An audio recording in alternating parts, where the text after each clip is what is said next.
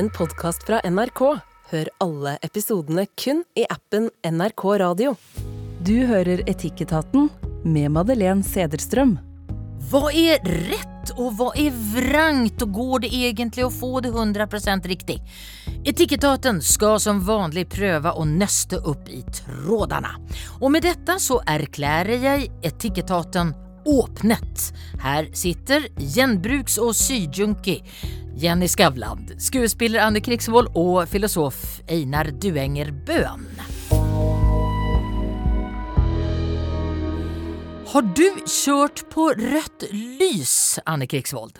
Nei, men jeg kjører ikke bil heller. Har du kjørt på rødt lys, Einar Duengen Bøhn? Ja.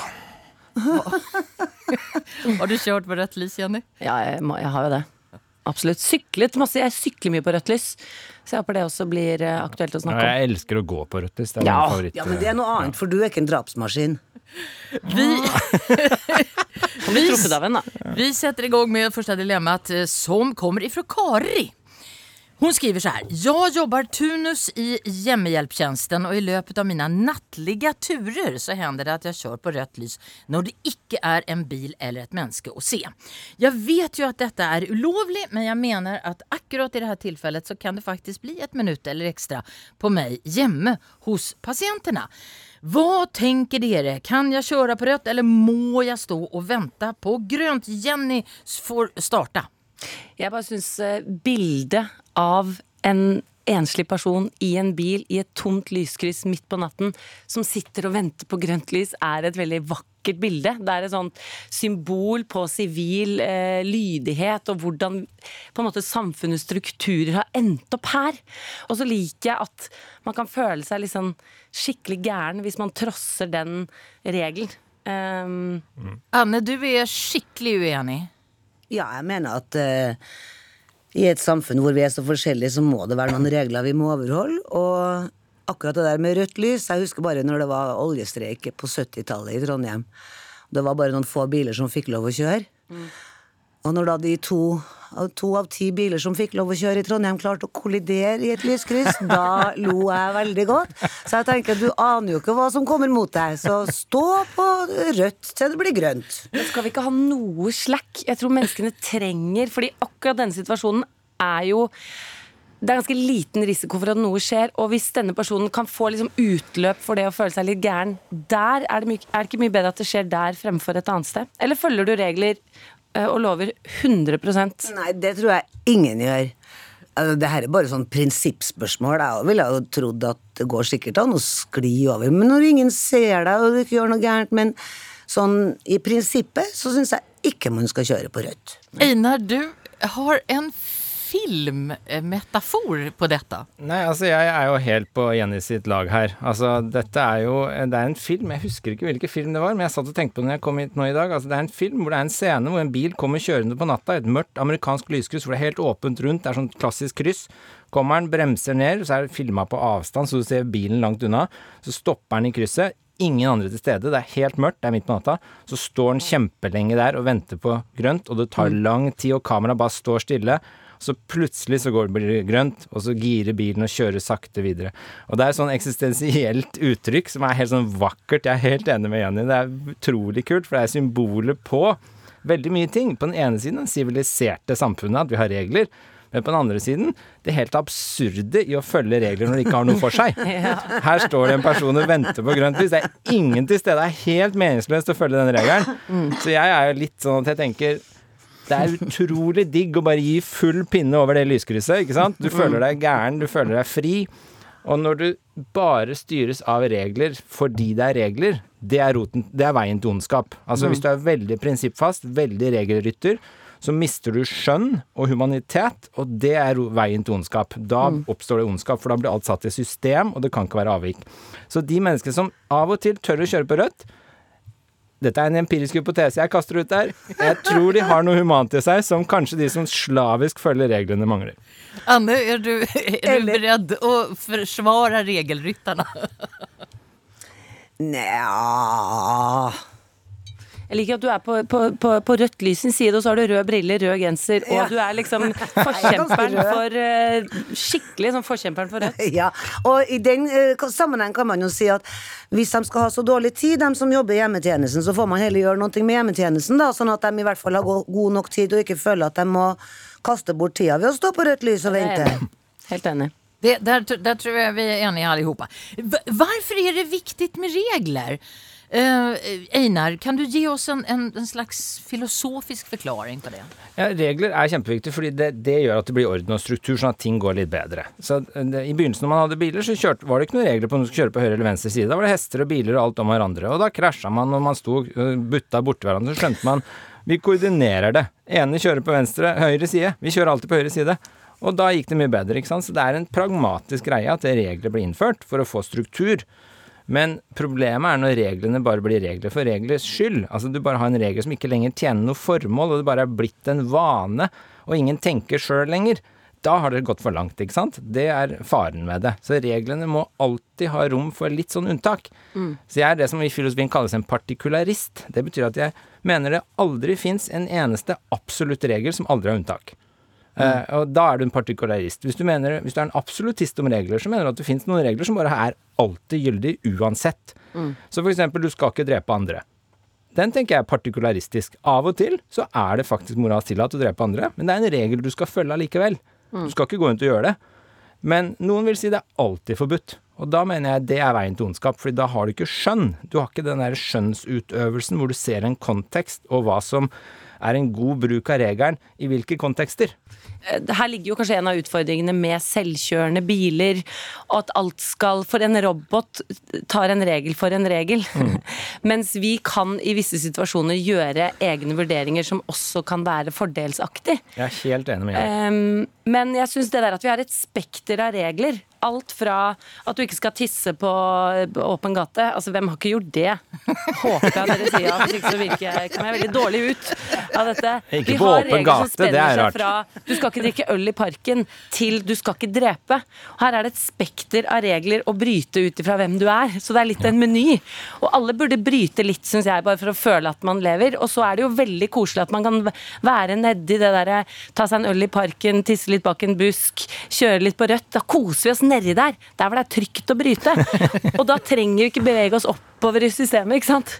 Så jeg, jeg er veldig forkjemper for um, og jeg liker spenningen ved å bryte regler. Jeg respekterer ikke regler i spill, f.eks.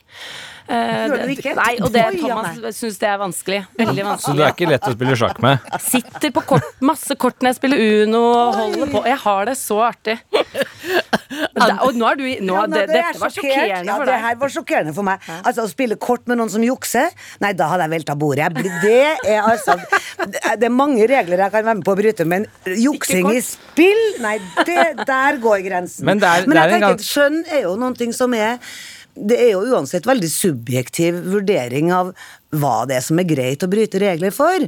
Hva er skjønn? Hvem utøver det skjønnet? Det gjør man jo som ø, sentrum i sin egen virkelighet. Jo, men det er ikke bare skjønn. Altså, hvis du har eksempel eh, Du sitter og spiser middag, eh, eh, og så er- er det noen som er litt sånn grisete ved bordet, så klikker du fullstendig i vinkel. Da er det liksom overdrevent. Alle er enige med at det er da en dårlig bruk av skjønn. Så skjønn er jo en subjektiv vurdering du må gjøre.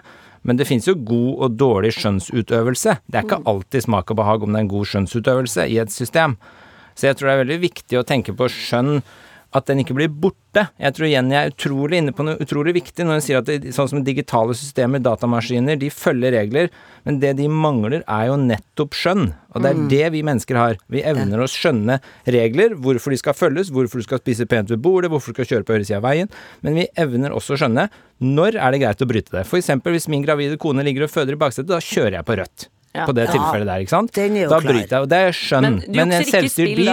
Selvstyrt bil har ikke det programmert inn, ikke sant? Nei. Og har jeg det kjempehyggelig rundt brettspillet, og Jenny sitter og jukser litt, så kan jeg le og synes det er kjempegøy. Men hvis vi er i VM i sjakk, og hun begynner å jukse, så er det da, da er det sånn da er det Men- sånn, dette går ikke an. Så dette er skjønnsutøvelse. Dette er ikke bare smak og behag som sånn japp eller snickers. Det er ikke der. Men også kan å gi livet Altså, jeg har to små jenter, og man snakker mye om flink pike, og, og de liker å følge regler, og jeg kan jo ofte tenke sånn Nei, nå er vi for flinke her. Nå, er det for, nå er dere for opptatt av å på en måte oppfylle kravene rundt dere, og da jobber jo jeg aktivt med at vi skal bryte litt regler, og det gjør ikke ikke sant? Har du, har du något eksempel her, Janne, når, når du har oppmuntret dine jenter til å bryte vi, regler? vi snakker mye om rampestreker, og veldig mye sånn har vi gjort noen rampestreker i det siste. Og uh, det neste plan er å legge sånn plastfolie på doen. Og det er jo ikke, man skal jo ikke det, men, men det er noe med Kanskje det også er liksom en sånn litt sånn jenteting, at jeg ser sånn Nå er dere litt for opptatt og syns det er litt for stas å være flink. Var jeg flink nå? Så blir jeg sånn, Det har ikke noe å si. Så, så jeg liksom jobber litt aktivt med Ja. å også skape spenning i de ufarlige regelbruddene. Det du kjemper for, er jo en humanisme her. Du kjemper jo for den selvstendig tenkende individet. At det skal ikke bare la seg fange av regler. Og det er jo et kjempesunt tegn. Det er jo det hele vår sivilisasjon er bygd på. At du skal ha den type element. Er det noen regler på teateret som, dere, som er litt sånn hogd i stein, men som er litt gøy å, å bryte når dere er på scenen og sånn? Jeg, jeg bryter ingen på teatret. Der er jo jeg streng på Vi skuespillere, vi skal henge opp kostymet vårt, vi skal passe på rekvisitter. Du har ansvaret for de tingene som er ditt. Der syns jeg man kunne ha fulgt reglene litt mer. Fordi når vi skal være sammen, mange at jeg roter hjemme, det gjør jeg, men på jobb er jeg altså et petimeter. Jeg syns også det er stor forskjell på om ditt regelbrudd faktisk går utover noen andre, og så kan det få litt sånn følgefeil.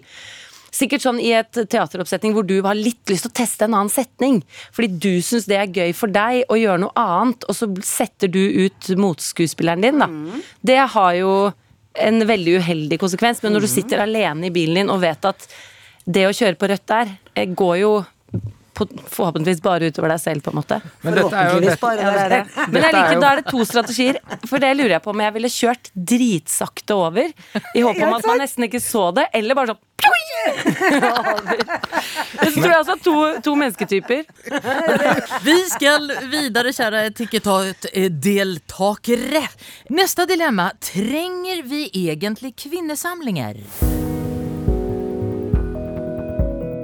Først et kort spørsmål til hver og en i Etikettaten, som altså er skuespiller Anne Krigsvold, filosof Einar Duenger Bøhn og designer Jenny Skavlan. Eh, når var det sist du var takknemlig for at du er i det kjønnet du er, Jenny? Om du, eh, du er eh, kvinne, eller betrakter deg som kvinne? Ja, sist jeg sjekka, var jeg det, altså. Jeg reflekterer veldig lite over kjønn. Eh, jeg jobber med mange damer, vet jeg på papiret at jeg gjør, i Fabrik, som er et sykollektiv jeg jobber i. Men jeg eh, reflekterer veldig lite over det. Okay. Så jeg kan ikke Nei. Og jeg har nok en Hvis man skal stereotypere, hvis man sier det sånn, eh, kjønn, så så sjekker jeg på ganske mange trekk som er mer vanlig for menn, på en måte. Så, så jeg identifiserer meg faktisk ikke helt som kvinne. på mange ting. Hvis jeg hører på radioprogram så er det sånn 'Dette er typisk menn', så blir jeg sånn Men det var typisk meg.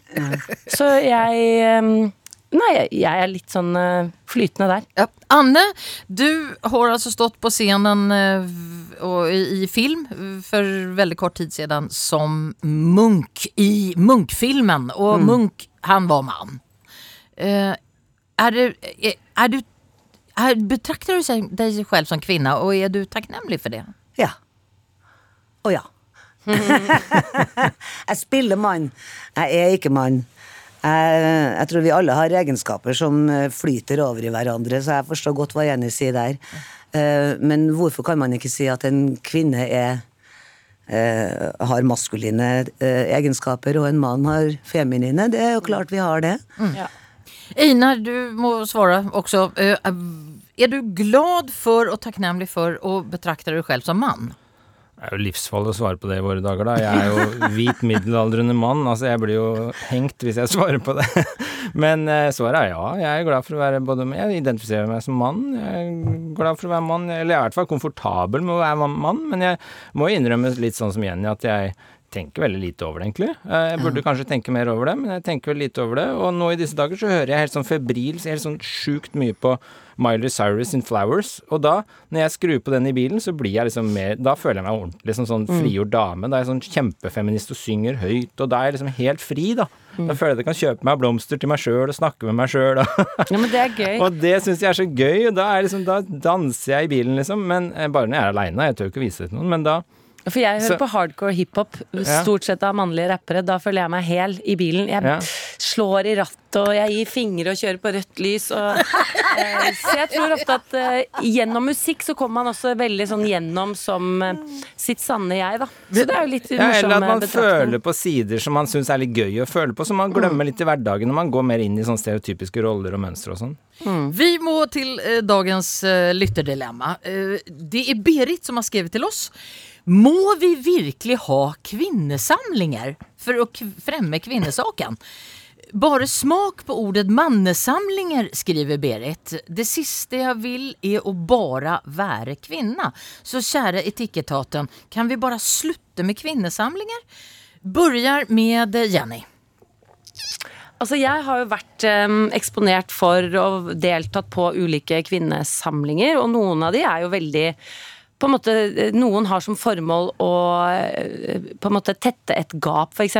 Sånn som sånne investeringskonferanser, hvor man ser at det er utrolig mange flere menn som investerer pengene sine, som eier aksjeselskaper og sånne ting.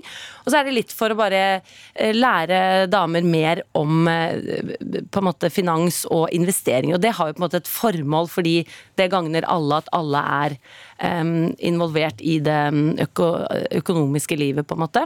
Men så har jeg også vært på noen samlinger som er mer sånn Da samles 3000 damer på dette hotellet, og vi skal lære om kremer, og vi skal gjøre yoga og drikke sprudelvann og få goodiebags. Og det vet jeg ikke om har eh, gagner kjønnet vårt like mye, Anne, si. trenger vi kvinnesamlinger? Ja, det trenger vi nok, men ikke dem som du snakka om nå, Jenny. For det er jeg helt enig med. Jeg har aldri vært på noe sånt jeg, da, med sånn utdeling av kremer og sånt. Men jeg tror at det er viktig at kvinner eh, møtes på arenaer og snakker om det som er kvinneting. Fordi det er annerledes å være kvinne på mange felt enn det å være mann. Det studeres mindre på kvinnesykdommer. Eh, Det skjer masse vold i hjemmet. Det skjer så mange ting at jeg tror at det er veldig viktig at kvinner får snakke om. Einar, trenger vi kvinnesamlinger? Ja, absolutt. Jeg vil gå mye lenger enn de to andre. Jeg vil si ja, vi trenger kvinnesamlinger, men vi trenger også mannssamlinger. Vi trenger alle mulige samlinger. mm. Og vi trenger alle mulige samlinger som har homogene grupper.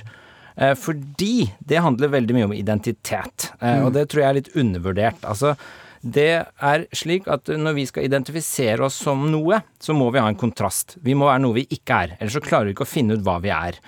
Eh, Og da er det veldig viktig at f.eks. hvis jeg skal identifisere meg som mann, så må jeg forstå og kunne snakke med andre menn som er på samme banehalvdel, og jeg må kunne se hva ting jeg ikke er. Og det må være ganske sånn fritt, få lov til å fritt uttrykke disse tingene. Så for eksempel så jeg, spiller jeg i et, i et band, og da er det jo bare gutter som møtes.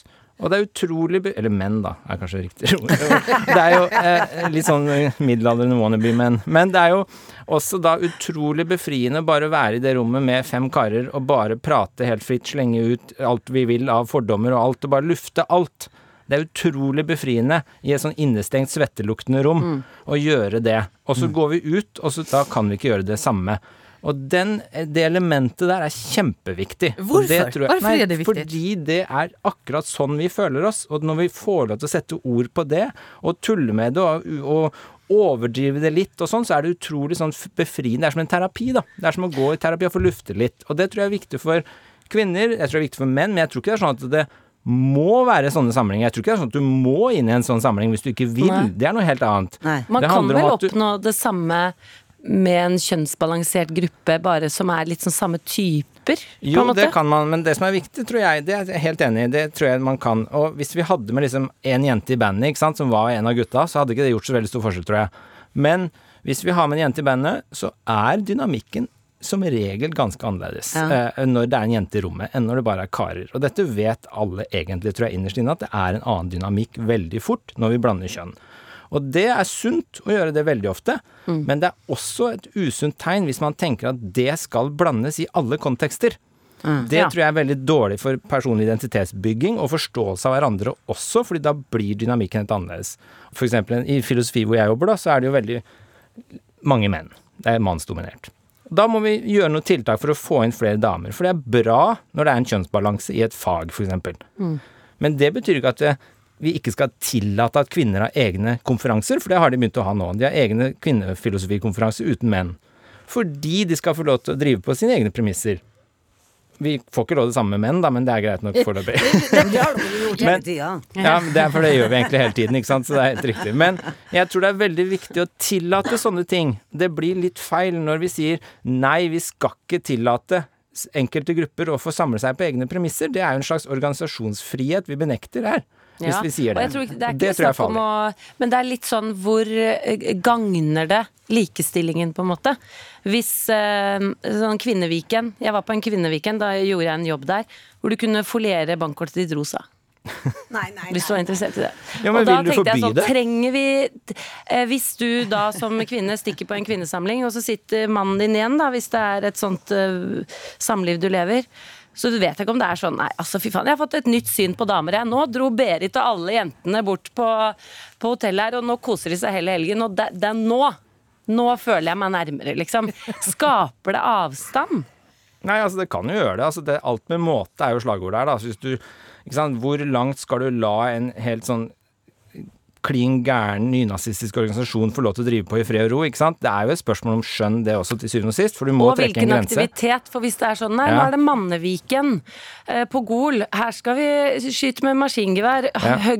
hogge med øks, og så er det stripping på kvelden. Hvis man Ja. skal virkelig sette det Ja, ja, nei, det er alt med, Veldig- alt med måte her, men For det er noe jo ikke helt eh, Det tror jeg ikke gagner. Nei, jeg er helt enig i alt med måte, men jeg tror det er viktig at vi ikke drar det for langt i andre retningen. At vi ikke lenger får lov til å organisere oss i mindre klubber og foreninger og sånn, fordi det strider mot at eh, vi skal blande alt, eller Ja. vi skal fri... Så det er litt sånn farlig. Jeg ville aldri forbudt en haug med damer å dra og bytte kremer på et hotell. Jeg ville aldri sagt det får du ikke lov, hvis det er dette du vil. Jeg ville sagt er det her egentlig nyttig, og det, kremen er ikke litt teit, liksom? Altså, hvis du får men jeg ville ikke forbudt det. Og det er det som er, hun spør om. er det ikke? Skal vi ikke bare slutte med damesamlinger? Nei, Men- ikke slutt Ja. med Men, det- men så er det også det der da at, at eh, må det være så forferdelig viktig alt sammen? Jeg har i mange år hatt eh, en haug med venninner. Vi har møttes hver første søndag i måneden mellom klokka tre og klokka sju. Hvor vi drikker og synger og prater skit. Som er veldig, veldig viktig. Og så har mannfolkene fått lov å komme etter klokka sju. Og da forandrer kvinnegruppa seg, det gjør den jo. Men den tida vi har alene, hvor det ikke skal gå inn, vi skal ikke ha noe politisk agenda eller noen ting, vi skal bare være sammen som jenter og le. Jeg er helt enig. Det är viktigt. Tusen hjärtligt tack. Eh, En man, to kvinnor i panelet. eh, Och, och, eh, ja, glada för att de är akkurat det.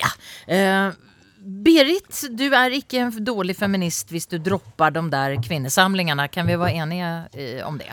Men hun må også få lov til å kose seg Ja. på det. Hun må få lov til å synes at det er toppen av lykke å få være med på òg. Nu, eh, min herre och eh, bägge damer, nästa dilemma ut heter Andrew Tate.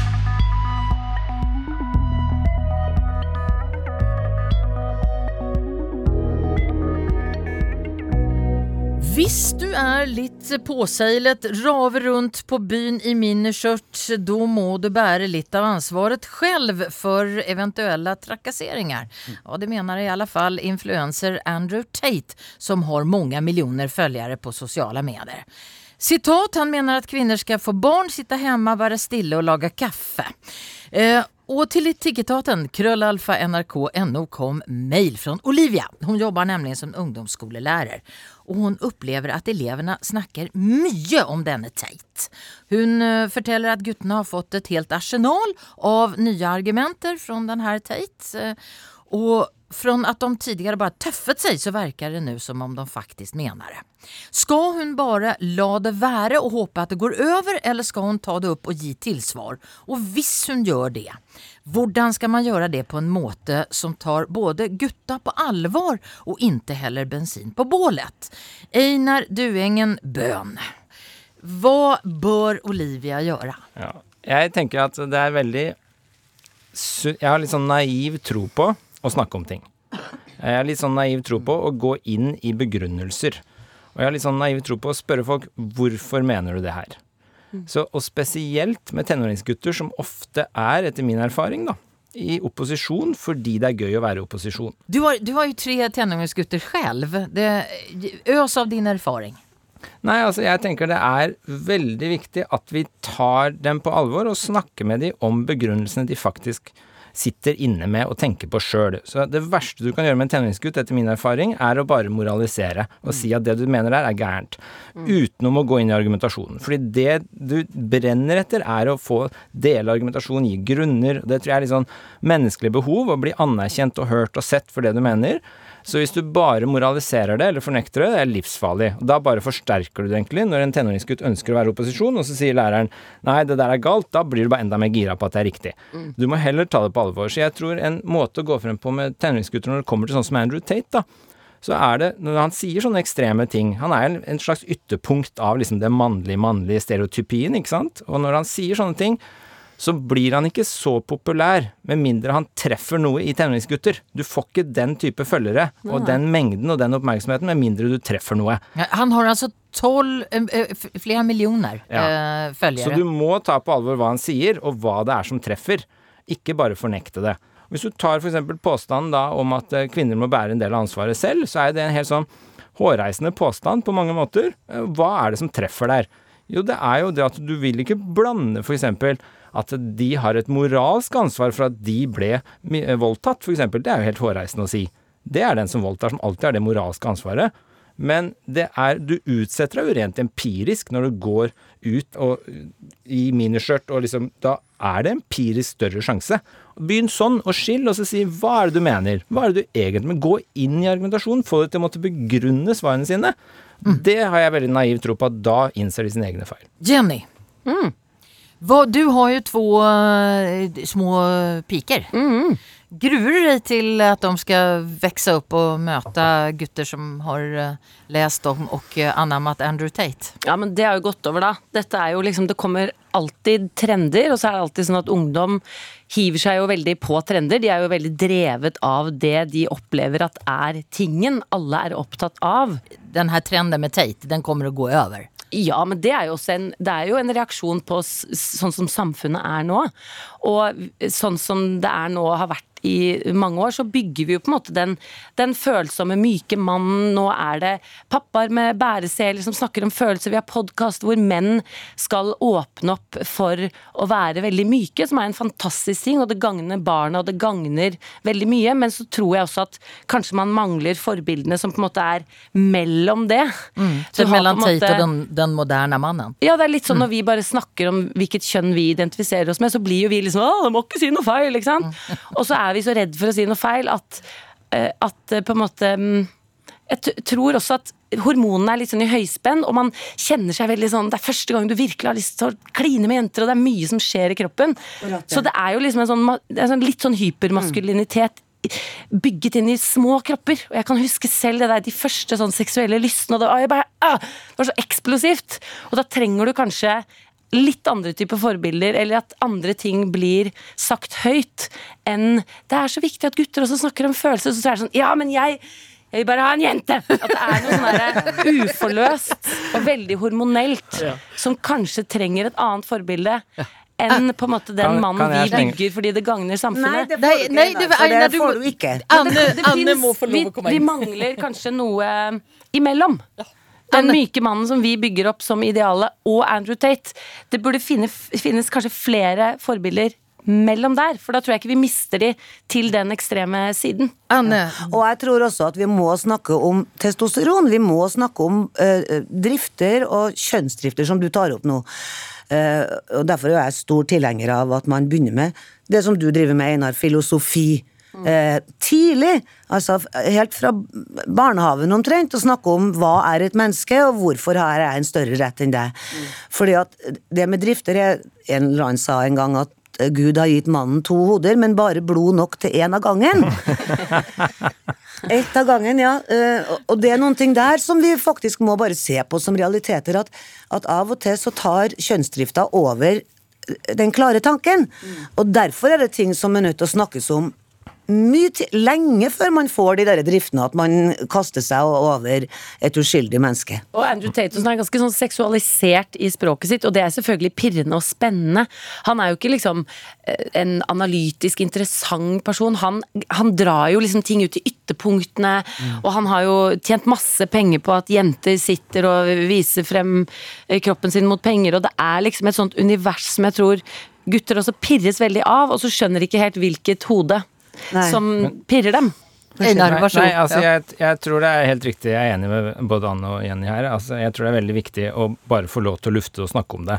Men det er to ting som jeg vil påpeke. Det ene er jo at dette handler jo ikke bare om sex, tror jeg. Vi skal ikke redusere tenåringsgutter og unge menn som ikke er tenåringer lenger, som er i begynnelsen av 20-åra. Vi skal ikke redusere dem til et lite penishode, fordi her er det en del intellektuelt tankearbeid også som pågår, som er en reaksjon, en ideologisk reaksjon mot mye av det du ser i samtiden. Slik at jeg tror han appellerer til mye mer enn bare det at du har lyst til å ligge med damer. Det handler om identitet som mann, det handler om identitet som gutt. Det du søker når du er 14, 15, 16, 18, 19, 20 år, det er å finne din identitet.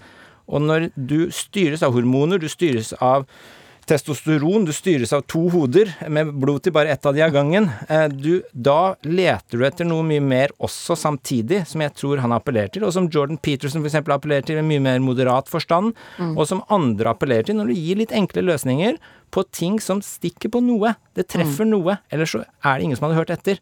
Slik at vi må ta det på alvor. Hva er det det treffer? Også litt sånn intellektuelt, ikke bare sånn eh, testosteronmessig.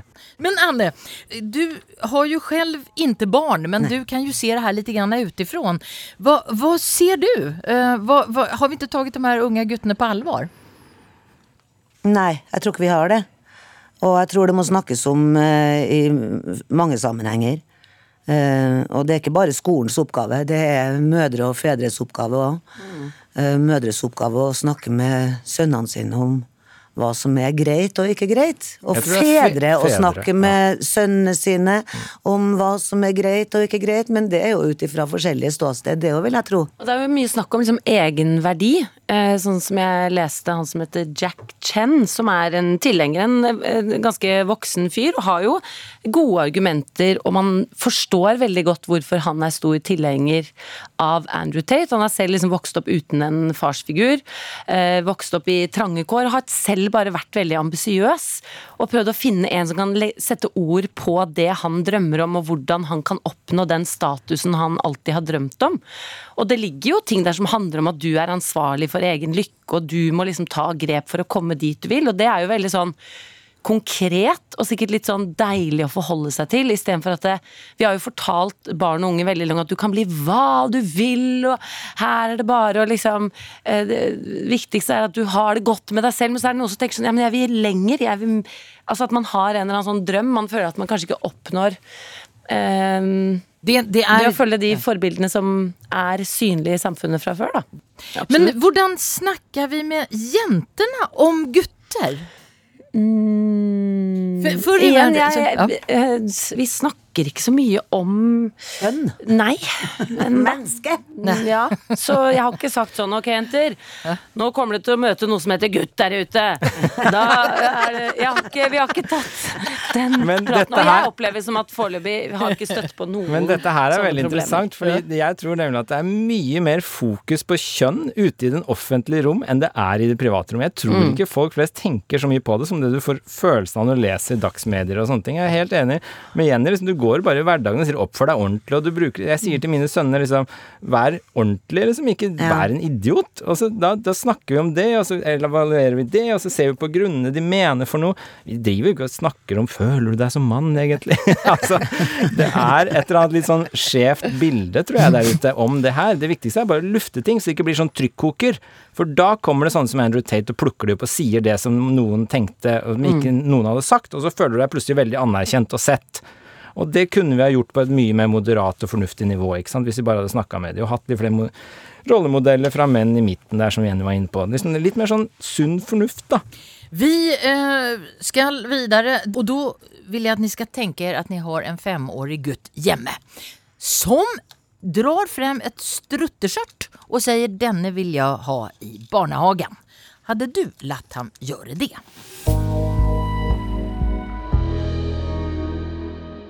Här är mejlen från Laila och Axel. Vi har två barn, skriver de. En son på fem, en datter på åtta. Sønnen vår ser veldig opp til storesøstera si og vil gjøre akkurat de samme tingene som hun. Eh, av og til litt irriterende for søster, men ellers bare fint. Men en ting er litt mindre enkel, syns vi. Eh, For det nye nå er at han vil gå med klærne som søstre har vokst fra. Og hjemme så løper han rundt med strutteskjørt og rosa strømpebukser og gensere med enhjørning. Nå vil han veldig gjerne ha, gjerne ha på seg de her klærne i barnehagen også, og for oss hadde det vært helt ok. Men vi er redde for at han blir gjort narr av og kanskje mobbad. Og at det skal henge ved ham inn i skolehverdagen. Hva skal vi gjøre? La ungen gå med skjørt. Eh, det, det er ja fra dere alle, tror jeg. Jenny ja. Absolutt. Jeg tenker dette er jo Dette kan bli et problem hvis man gjør det til et problem selv, men eh, men sånn som hjemme hos meg, så har jeg tenkt at jeg skulle være veldig sånn eh, pedagogisk. Og så sa jeg sånn Dere vet sånn at det er jo noen gutter som går med jenteklær, noen jenter Og så sier barna mine sånn Mamma, det er ingenting som heter gutteklær og jenteklær. Så de er på en måte Fantastisk. de, de, de har kommet langt nå. Det er på en måte et Dette er jo ikke unormalt uh, lenger. Uh, og, og dette tenker jeg, her må vi bare her må vi bare gønne på. Smi Og, mens Helt enig. Ja. For jeg tenker, altså, du som er i motebransjen og, og i det der, For jeg tenker, stakkars eh, mannfolk, har jeg tenkt noen gang, som er nødt til å gå i de jævla dressene hele tida. Altså, Gud, så mye deiligere det hadde vært for menn å kunne gå i en kjole og la det henge fritt under der og kjenne på lufta som kommer. Jeg skjønner ikke, det er da, det er da utrolig fastlåst. Det er da virkelig Ja. Men, ja, men kan jeg få lov til å moderere litt her?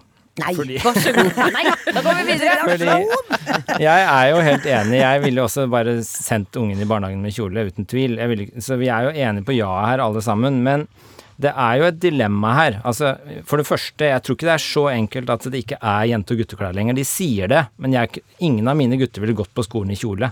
Eh, Det ville vil ikke vært aktuelt for noen av de. Slik at det, det er konvensjoner som setter seg, som gjør at det er til en viss grad jente- og gutteklær. Du ser det i leker, har jo aldri vært så farga som nå. Lego er rosa og blått. Det er venner og krig. Det var det ikke da jeg var barn. Da var det primærfargen i klosser.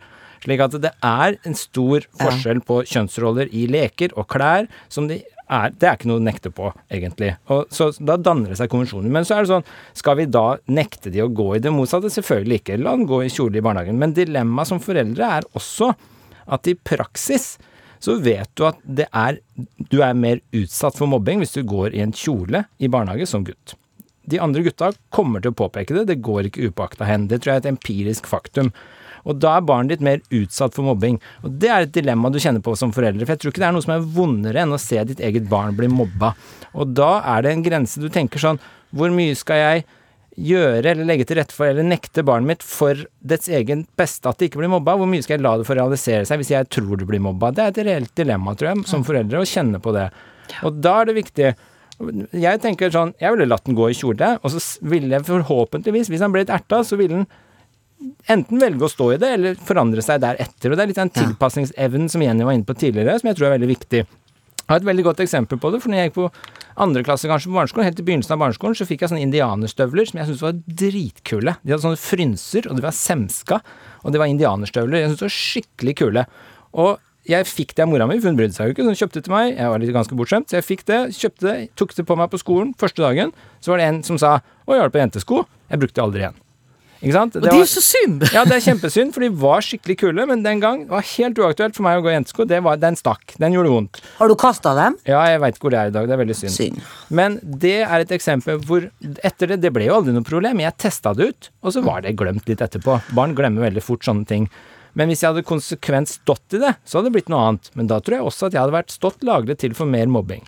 Slik at det er ganske sånn Jeg tror det er et større dilemma enn man kanskje skulle tro. Det er bare å si la ungen gå i kjole, fordi jeg ville gjort det. Men jeg ville også vært litt sånn forsiktig, kanskje gitt noen råd etter hvert hvis det ble et problem. Men når du snakker om dem som er fem år, da har de fremdeles litt kontakt med evigheten. Ja. og er i ferd med å, å finne ut hva det er å være menneske. Eh, og du finner jo ikke noe morsommere å filosofere og snakke med enn femåringer. De har en sånn utrolig oversikt over ting, og jeg tror ikke at man Nå er jo ikke jeg foreldre, så jeg uttaler meg jo bare som oraklet fra Trøndelag. Um, at at man, man, man kan ikke beskytte barna sine mot livet. du må gi ungene kniv når de er små. De må bli mobba. Du må fortelle dem at dem som mobber, har det ikke så godt inni seg. Eh, barn må slå seg, barn må ha nederlag. Det må vi alle. Hvis ikke så har vi ikke drømmer lenger. Jeg er enig i det, men det er en grense der som foreldre. At hvis barna dine blir systematisk mobba, så er det ikke sånn, sier du ikke bare ja, sånn er livet. Du, du, da bytter du skole, eller du gjør noen tiltak. slik at du, det er en det er ganske vanskelig balansegang, akkurat det der. Men jeg er helt enig i at som femåring, så bare la dem teste ut kjolen, da. Bli litt mobba, så går det over etter hvert. Eh, enten tilpasser seg eller ikke. Det er litt sånn Men det er, jeg syns det er ganske Kanskje Ja, Jenny, du, du er jo den, du er jo småbarnsmoren her.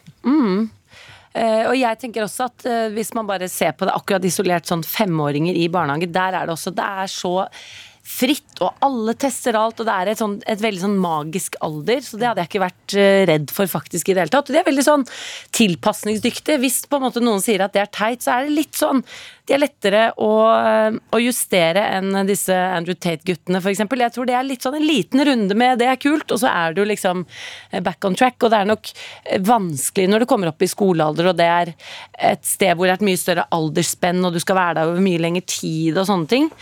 Um, men jeg tenker også på et perspektiv her, sånn i forhold til barn og sosiale medier og sånn. Nå har jo jeg snakket mye om at jeg deler jo ingenting av mine egne barn og syns at de har liksom retten til eget privatliv, og de, at man skal ha respekt for individet, at de har sin personlige reise og de har sitt, sin personlige historie, på en måte.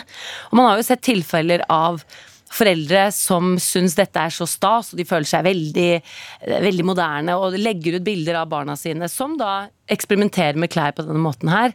eh, Hvor de da eksponerer på en måte eh, et barn sin personlige lille reise av å finne ut av ting i et medium hvor det er tusenvis, potensielt millioner av mennesker som kan se dette.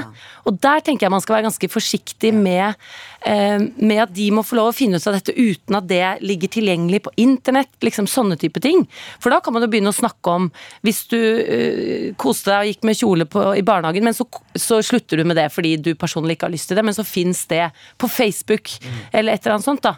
Så det er liksom et aspekt her som kommer med at vi har en foreldregenerasjon som skal dokumentere alt, skryte av alt og potensielt selv få hjerter og kule kommentarer fordi eh, barnet eh, gjør dette her. Så det tenker jeg at eh, Der går man i hvert fall ikke skal eh, Send i barnehagen, men ikke legge ut på Facebook. Altså, Jeg tror vi alle er enige med at han burde få lov til å gå i barnehagen i kjole. Det er helt greit. Eh, Men vi skal ikke fornekte Jeg tror det er farlig da, hvis vi ikke ser den empiriske fakta som er der ute om hvordan sosiale roller, hvordan kjønnsroller, hvordan mobbing foregår.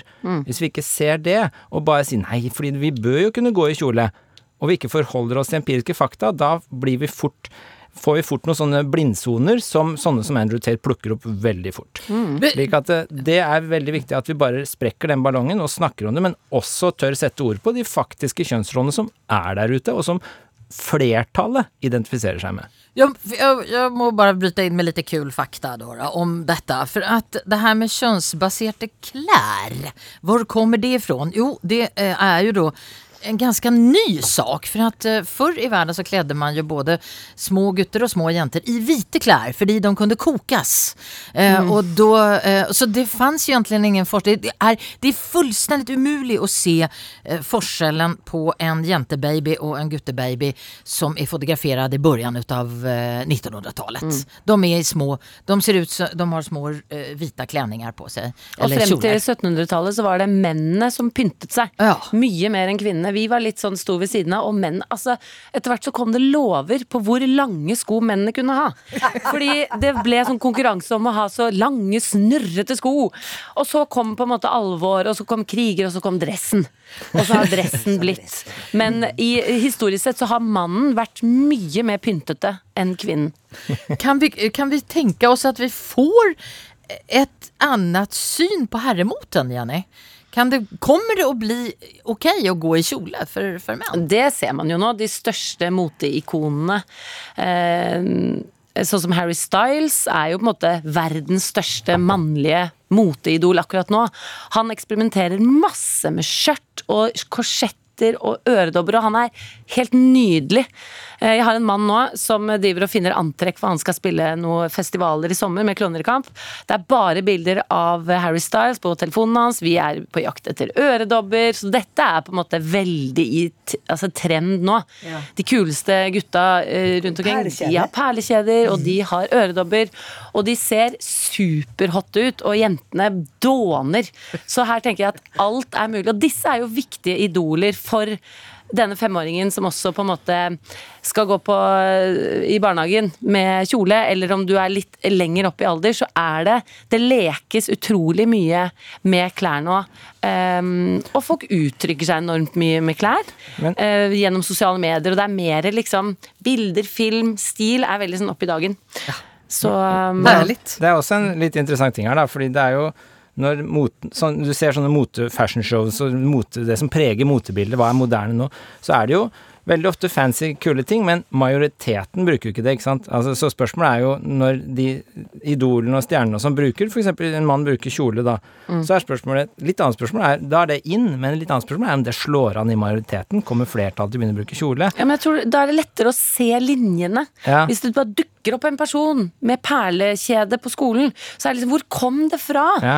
Mens nå ser de sånn De ser linjen bort til Harry Styles som står der på en svær scene og blir eh, beundret av eh, hundretusenvis av mennesker, så er det en det er en knagg å henge det på, og du forstår det, og det har på en måte det har en verdi, da, og da blir man kanskje mer sett på som fremoverlent og modig og aktuell, fremfor bare hvor kom det fra? Jeg tror Ja. mennesker liksom også trenger bare en, en grunn og en linje, så er det veldig mye lettere, da.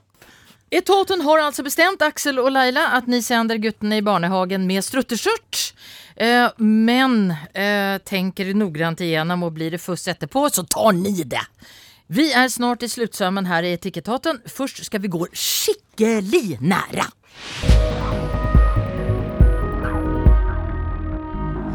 Husker du læreren läraren med kaffeånde som eh, lente seg over aksen din tre centimeter fra nesen din på skolan? I Etikettaten skal vi prate om intimzonen nå. Uh, Jenny Skavland er med oss, skuespiller Anne Krigsvold og filosof Einar Duenger Bøhn.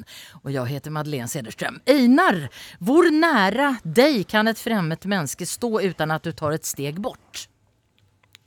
Helst uh, ute av syne. altså, jeg har en veldig stor intimsone. Altså, når det var den énmetersregelen, så gikk jeg bare og venta på å kunne gå tilbake til tometersregelen. Uh, fordi jeg syns det var så uh, altfor nærme. Så jeg begynner å svette på overleppa hvis folk kommer veldig nærme meg. Uh, så jeg liker å ha veldig stor avstand. Men det kommer jo an på hvem, selvfølgelig. Altså, det er jo helt annerledes med barna mine enn det er med fremmede folk. Og det er helt annerledes med kolleger, og så er det litt annerledes med om du er i en pressa situasjon, ikke sant? er du under press, har du sagt noe dumt, og så blir du pusha på det, da svetter jeg fortere på overleppa jo nærmere du kommer, enn hvis du liksom Jeg har sagt noe lurt, og du har tatt feil. Så det kommer veldig an på konteksten. Anne, eh, et fremmed menneske, hvor nære kan de stå deg uten at du kliver et steg bort? Ja, nei, ikke så veldig. Jeg har det Altså, i yrket mitt må jeg jo være veldig nær folk, men eh, jeg liker godt å ha litt avstand, jeg òg, ja. Jenny, hvor nære deg kan fremmede mennesker stå? Nei, jeg er helt lik. Eh, og dette høres jo veldig norskt ut, på en måte. Alle er sånn Nei, du! Jeg syns også Jeg har eh, Jeg er veldig tett på barna mine. Liker å være ordentlig, ordentlig tett på. Og mannen min. Og nesten punktum der. Eh, og jeg har hatt et prosjekt i det siste, for jeg har observert mine kollegaer, at de er ganske sånn de henger litt på skulderen til hverandre, bare sånn helt sånn bedagelig er intime. Og så har jeg følt meg litt sånn annerledes, for jeg har vært sånn, hvorfor gjør ingen det med meg? Hvorfor er ikke jeg den som lener meg liksom i det stille uten å si det til de andre, så har jeg et litt sånn prosjekt om å bli mer intim. Fordi jeg har tenkt sånn, jeg går kanskje glipp av en eller annen nærhet eller noe her. Men jeg blir veldig sånn, hatt sånn liksom klapp på skulderen, veldig sånn mekanisk. Og jeg har ikke, liksom, det har ikke falt meg naturlig. Og så spurte jeg de andre sånn Har dere lagt merke til at jeg har prøvd noe nytt i det siste? Og de bare Har du prøvd å være intim eller noe? Det er veldig awkward.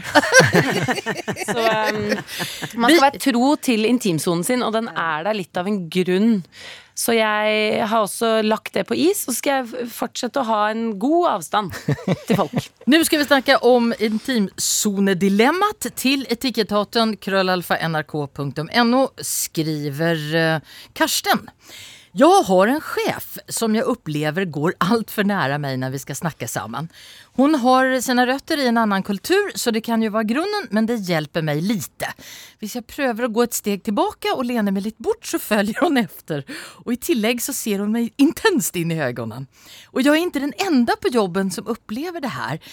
Vi är lite rädda för att ta upp det med henne för vi vill ju inte såra henne. Hon är väldigt populär, en god chef på alla andra måter.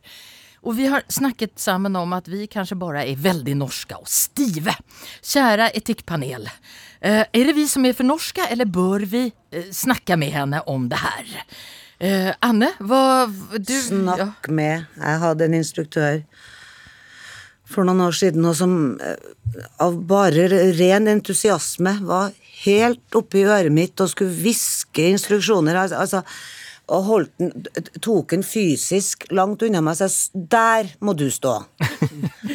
Men du er jo et yrke hvor dere er liksom i kontinuerlig dialog, og dere er fysisk Hvis dette er et sånn klassisk kontor Jo, men Så uansett så sånn tror jeg man Nei, man må snakke om det. Fordi at å gå rundt og ha det ubehagelig, da gjør man en dårlig jobb.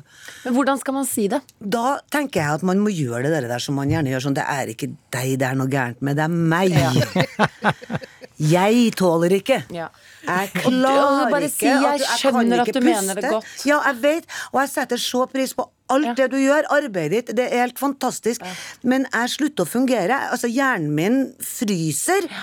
Og, og det er sikkert en stor feil jeg har. Og jeg er så norsk, jeg må bare beklage hvor norsk jeg er, altså. Men du må bare ta deg Og så kan du på en måte ta en litt sånn slu en og si sånn Men Marit borte på logistikk, hun vet jeg, hun elsker det. Ja. Så mer der. Og bare kast henne til en annen. Ja. Men Anne, du, du jobber ju eh, i et yrke der ni går kjempenære hverandre på scenen Ja. at att ni nødvendigvis eh, ens liker hverandre. Og man ser jo i motljuset hvor spytten liksom flyger av og til. Eh, gjerne treffer ansiktet. Hvordan, klar, hvordan venner du deg til det? Det er yrket mitt. Eh, Det er ikke noe privatsak å stå på scenen. Så hvordan jeg reagerer på folk eh, privat, og hvordan jeg reagerer på jobb på scenen, er forskjellig. Eh, Toleransegrensa mi er nødt til å være stor, og man må nødt til å tåle å drite seg ut, og man er nødt til å tåle å ha folk eh, innenfor en intimsone, men det er jo arbeidsforhold. Så det syns jeg er noe helt annet. Jag har, en, jag har eh, som vanligt då, eh, eller det är inte jag, det är min eh, underbara kollega Hege. Hon har hittat fram några kul grejer om fakta på detta. För det finns eh, fakta på intimzoner. Det finns en antropolog som heter Edward Hall och han har forskat på det här. Och det finns definitioner. Eh, barn, kärste. Intimzon 15 till 45 centimeter. Den personliga zonen är faktiskt mer än en meter oftast. 1,2 Ja. meter från kroppen. Det är kollegor och vänner. Och i den sociala zonen så vill man ha ett ännu större avstånd egentligen. Men det är kulturavhängigt. Asiater de tycker att européerna är, är lite kalla och utillnärmliga och de går mycket närmre. Och så finns det en annan kul sak. Det är att eh, ju äldre man blir desto större intimzoner får man. Alltså där vill man ha folk på ännu längre avstånd. Ja. Det kan jeg skjønne. Et litt sånn venninneperspektiv. Eh, da jeg var yngre og det var sånn overnattinger og vi ligger andføttes, sa. Altså nå er det sånn jeg, Hvis jeg skal på hyttetur eller noe Jeg, jeg vil helst ha eget rom, jeg. Jeg, vil ikke sove, i- jeg vil ikke sove i seng med en venninne. Jeg blir selvbevisst på søvnen min og redd for å snu meg, redd for at puten knitrer. Og det er liksom Det å på en måte beskytte søvnen sin er jo også litt en aldersting. Men eh, jeg syns det er litt vanskelig å dele hotellrom med noen på jobbtur nå som voksen, og som ung så var det å foretrekke, på en måte. Så den, eh, den kan jeg forstå. Einar? Nei, jeg tenker også Jeg, jeg er, har jo veldig, som sagt veldig stor intimsone og må absolutt eget rom. Og jeg klarer ikke å tisse offentlig når folk ser på. Altså Alt må bare være privat. Eh, men jeg tror at når hvis jeg prøver å sette meg inn i den motsatte posisjonen, altså hvis jeg prøver å være den personen som har en veldig mindre intimsone, og som skal møte meg, som har helt sånn backer unna og har sånn ass out-hug, sånn der bare sånn på skuldra, sånn litt lang avstand.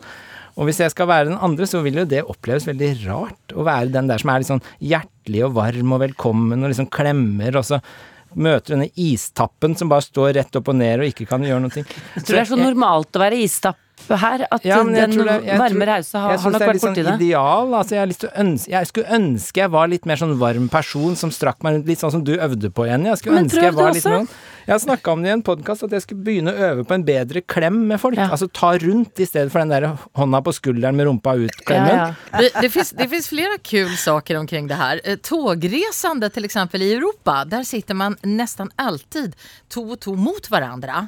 Eh, Medan i Norge så sitter vi to og to bak, bak varandra. Så, och, och sen är det ju den där gamla vanliga då att vi, vi vill ju helst ha ett näs för oss själva. Och, och när vi är i, i syden så är vi, så är vi på, på alla ställen vi är på syden så var det väldigt deilig att vara där för det var ingen annan norrman där. Ja.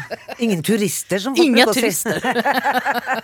Jeg tenker at Dette må vi bare embrace. Det er ikke vits å prøve å fikse opp i dette. Dette henger igjen Dette er sammensatt av temperaturer og dalfører, og dette har en lang historie for hvorfor vi er som vi er. Og da tenker jeg at kan vi ikke bare um, Sånn er det bare. Ja. Det står også, hvis du leser Håvamål, da, som er liksom de gode norrøne rådene om hvordan du skal leve, så står det også at når du kommer inn i, et fremmed hus, så skal du være vaktsom, aktsom, se rundt deg, stå i døra litt før du setter deg ned, se hvor folk sitter, få litt oversikt. Så dette er en gammel tradisjon med at du skal være litt varsom. Og hvis du bare går rett på, de, for eksempel de barna som har, ikke har noe intim, som bare går på fremmede folk og skal sitte på fanget og sånn, da blir jeg skeptisk, ikke sant? Her er det noe galt. Så det er viktig på mange måter, med alt fra smittevern til Det liksom er det. Vi har ikke sett den siste avstand. pandemien. Jeg tror vi skal bevare avstanden vår Ja. i håp om at uh, Hvis noen folk har sett uh, The Last of Us, så kan vi håpe at vi blir The Last of Us. Fordi vi har en uh, naturlig um, stor intimsone. Veldig bra. Tusen hjertelig takk, kjære dere. Vi, eh, rådet fra oss er ta det opp eh, med chefen din Karsten eh, med litt humor.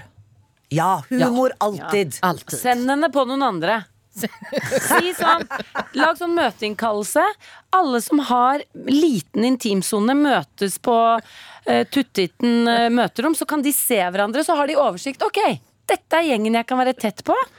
Er ikke det litt digg å vite? Ja, ikke sant? Så kan Eller- de drive og kose og gosse og spytte og Ja. sleike og hva enn de driver med. Eller gå i fullt angrep og bli sånn klåfingra sjøl. At du bare går all in og tar og klemmer og holder rundt og, og slipper ikke og sånn. Altså, Ja. Da får det- du kurert de. Men det er litt skummelt, for da får du plutselig et menneske som svarer deg, og da kommer du aldri ut av det.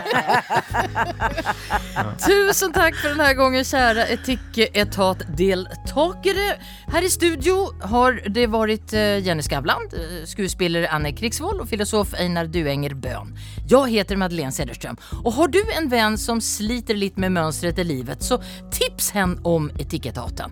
Hen finner både episoden och många flera i appen NRK Radio. Och har du ett dilemma som du vill att vi ska diskutera så skriv till etikettaten krøllalfa.nrk.no. Du har hørt en podkast fra NRK.